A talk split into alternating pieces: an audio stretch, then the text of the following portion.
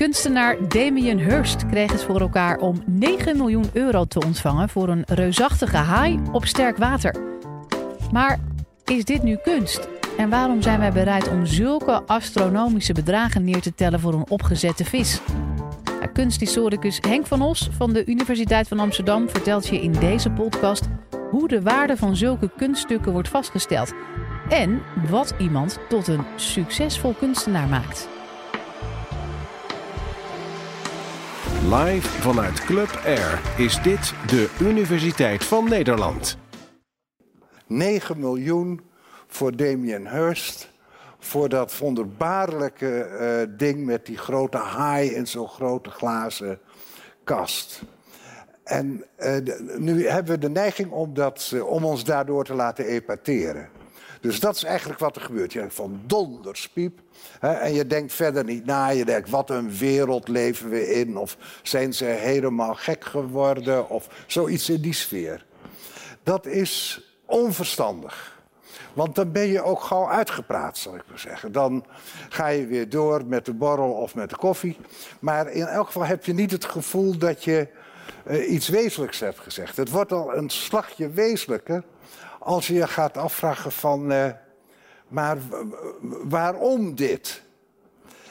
En uh, dan is de, het antwoord op die vraag eigenlijk dat er nu kunstenaars zijn die door hele onverwachte, hele spectaculaire, hele heftige dingen heel erg populair worden. Uh, en dat is een interessant uh, verschijnsel. En dat is een verschijnsel wat zo spectaculair is. Zo'n, uh, die haai op sterk water, die heeft aan materiaalkosten 60.000 pond gekost. En als dat dan voor 3 miljoen is hij naar Saatchi gegaan. Dat was een belangrijke verzamelaar. En die heeft het aan voor 9 miljoen aan een hedgefund-eigenaar verkocht. En daar heb je al het meest krachtige exponent van het moderne kapitalisme. Dus daar verdwijnt die haai naartoe. En dat zijn zulke ja, wonderbaarlijke bedragen. Wat voor soort kunstenaar is dat? Dit is een kunstenaar die zelf helemaal niets ambachtelijks meer heeft. Die 60.000 pond, die gingen gewoon naar een bedrijf dat die haai voor hem maakte. Dus er is helemaal niks ambachtelijks meer aan. Die kunstenaar, dat is iemand die iets bedenkt. En om duidelijk te maken, uh, ik moet het altijd oplezen, want het is zo'n moeilijke titel, wil ik u even de titel van de haai meegeven. The physic impossibility of death in the mind of someone living. Nou, gooi maar in mijn pet. dat is werkelijk, denk je ook. Uh, dus hier zit ook nog een enorme pretentie achter. En daar gaan heel veel mensen in mee. Er zijn natuurlijk eerst plaats kunstcritici die dit promoten.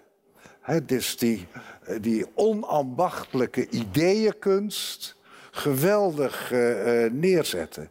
En dan zijn er kunsthistorici die biografieën van Damian Hirst gaan schrijven. En dan zijn er handelaren die op een hele handige manier weer veel geld uitgeven aan die kunsthistorici en die kunstcritici. Uh, kortom, het is een hele machinerie die in werking gaat. Als je iets heel spectaculairs bedenkt en je hebt die machinerie niet, dan kun je het, dan kun je het wel vergeten. Dat, dat, zo werkt het niet. Dus dat moet je, uh, dat moet je hebben. En je moet ook iets doen wat op de plek waar kunst is, uh, heel erg verbazingwekkend is. Dat hadden wij hier niet verwacht hè, in een museum. Dus je speelt voortdurend ook met verwachtingspatronen van ons. Die kennen jullie vast ook wel. Dat is Tracy Emin. Uh, dat is het uh, opgemaakte of niet opgemaakte bed. Uh, haar eigen bed uit de slaapkamer. Buitengewoon slordig slapend iemand, zoals je ziet. en dat is ver, gebracht naar een museum. En alleen al die overgang, die, die transfer van die hele smerige handel in die slaapkamer naar een museumzaal maakt dat onze verwachtingen zo klappen op wat daar getoond wordt, dat mensen zeggen: Wauw, En dat dat iets, iets spannends gaat worden. Uh, nu hebben we iets te pakken. Nou hebben we tenminste gewoon in ieder geval ons best gedaan om het een beetje te beschrijven wat er aan de hand is voor, voor onze ogen. En dan is het eerste wat de cultuurhistoricus moet zeggen. Maar luister eens, dat hebben we al eens gehad. En dat wordt het historisch interessant. En dat was in de tijd rondom 1900. En in die tijd was er een kunstenaar in München die helemaal vergeten was en nu weer meer aandacht krijgt, veel meer. En die man heet Frans von Stuck. En die maakte weliswaar schilderijen, maar schilderijen met een hele wonderlijke pretentie. Dat is een heel groot schilderij. En als je in het Stoekmuseum in zijn oude huis, de Stoekvilla aan de Prins in München binnenkomt, dan ontmoet je die man. En die man is een engel. En die man is de engel. Welke engel is dat? Die bewaakt het paradijs met een heel groot zwaard.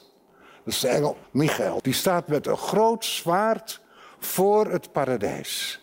En niemand kan daar meer in. Hij beschikt over een toverwereld achter hem. Een paradijselijke wereld van, van licht. En die paradijselijke wereld zegt van, kijk, weet je wat zo leuk is? Wie is deze man? Wie is deze Gabriel? Dit is een zelfportret van de kunstenaar. Wat denk je daarvan?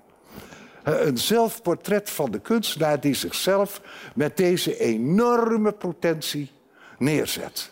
Het is eigenlijk een beetje vergelijkbare pretentie als van Tracy Emin en Damien Hirst. Ik bedenk dingen, ik heb contact met, uh, met gedachtenwerelden die absoluut niet van jullie zijn. Jullie zijn het klootjesvolk en ik zet iets neer wat daar ver bovenuit gaat. Ik kan jullie makkelijk epateren op die manier.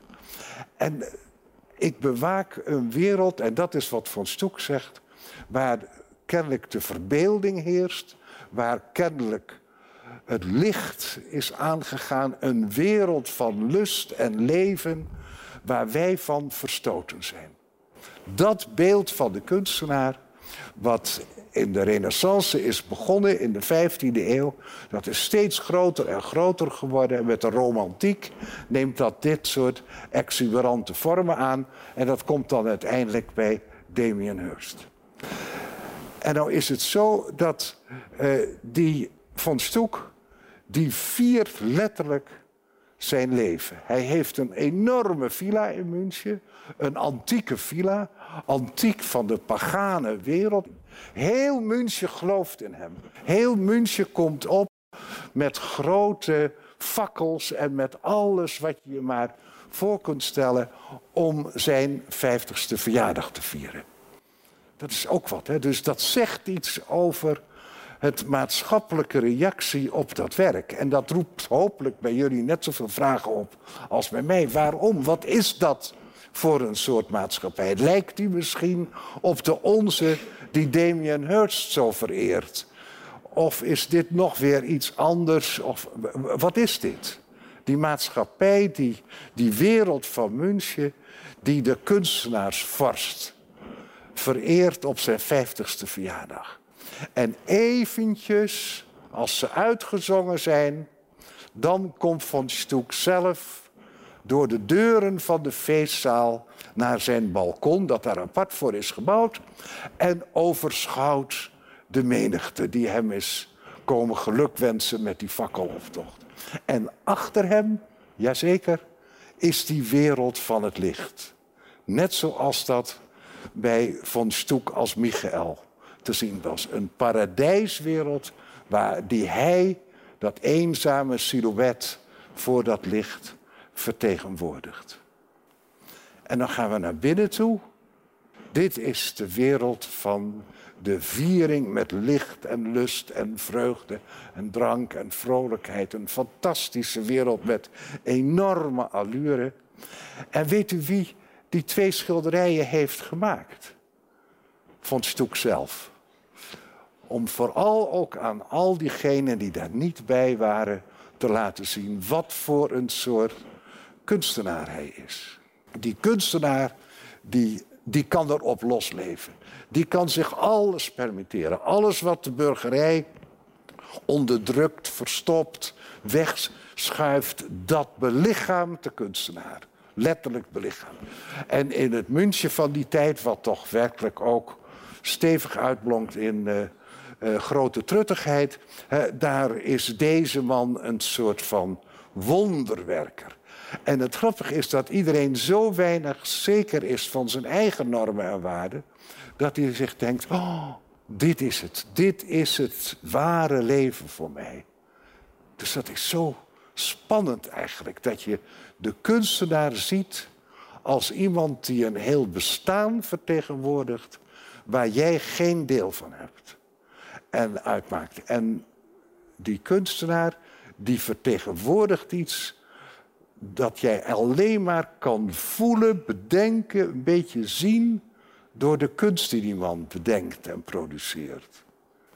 En dan denk ik nog even aan mijn werk vroeger was over kunstenaars uit Siena in Italië, uit de 14e en 15e eeuw. En die mensen, die waren ambachtslieden. Die mensen die hoorden tot het gilde van de meubelmakers.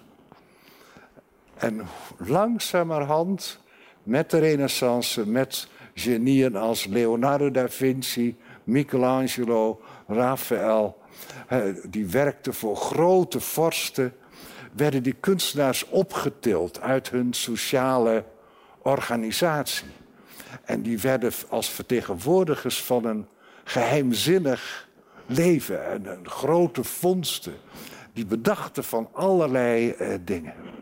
Nu is het ook nog wel goed om te bedenken: kun je nou iets zeggen over die maatschappij waar zo'n kunstenaar zo'n roem kan verzamelen? Is dat mogelijk? En nu juist door die vergelijking te maken, want die hedgefund-eigenaar van Damien Hirst uh, en de verzamelaars van Frans von Stoek, die hadden één ding gemeen. Ze waren steen en steenrijk. Het waren nieuwe rijken in het algemeen. Ze waren heel snel rijk geworden.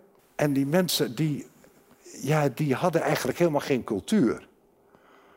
Nou, een boekje lezen is toch wel heel veel inspanning meteen natuurlijk. Dus dat maar een schilderijtje kopen, dat konden ze wel. Of een kunstwerk aanschaffen, dat is een stuk eenvoudiger.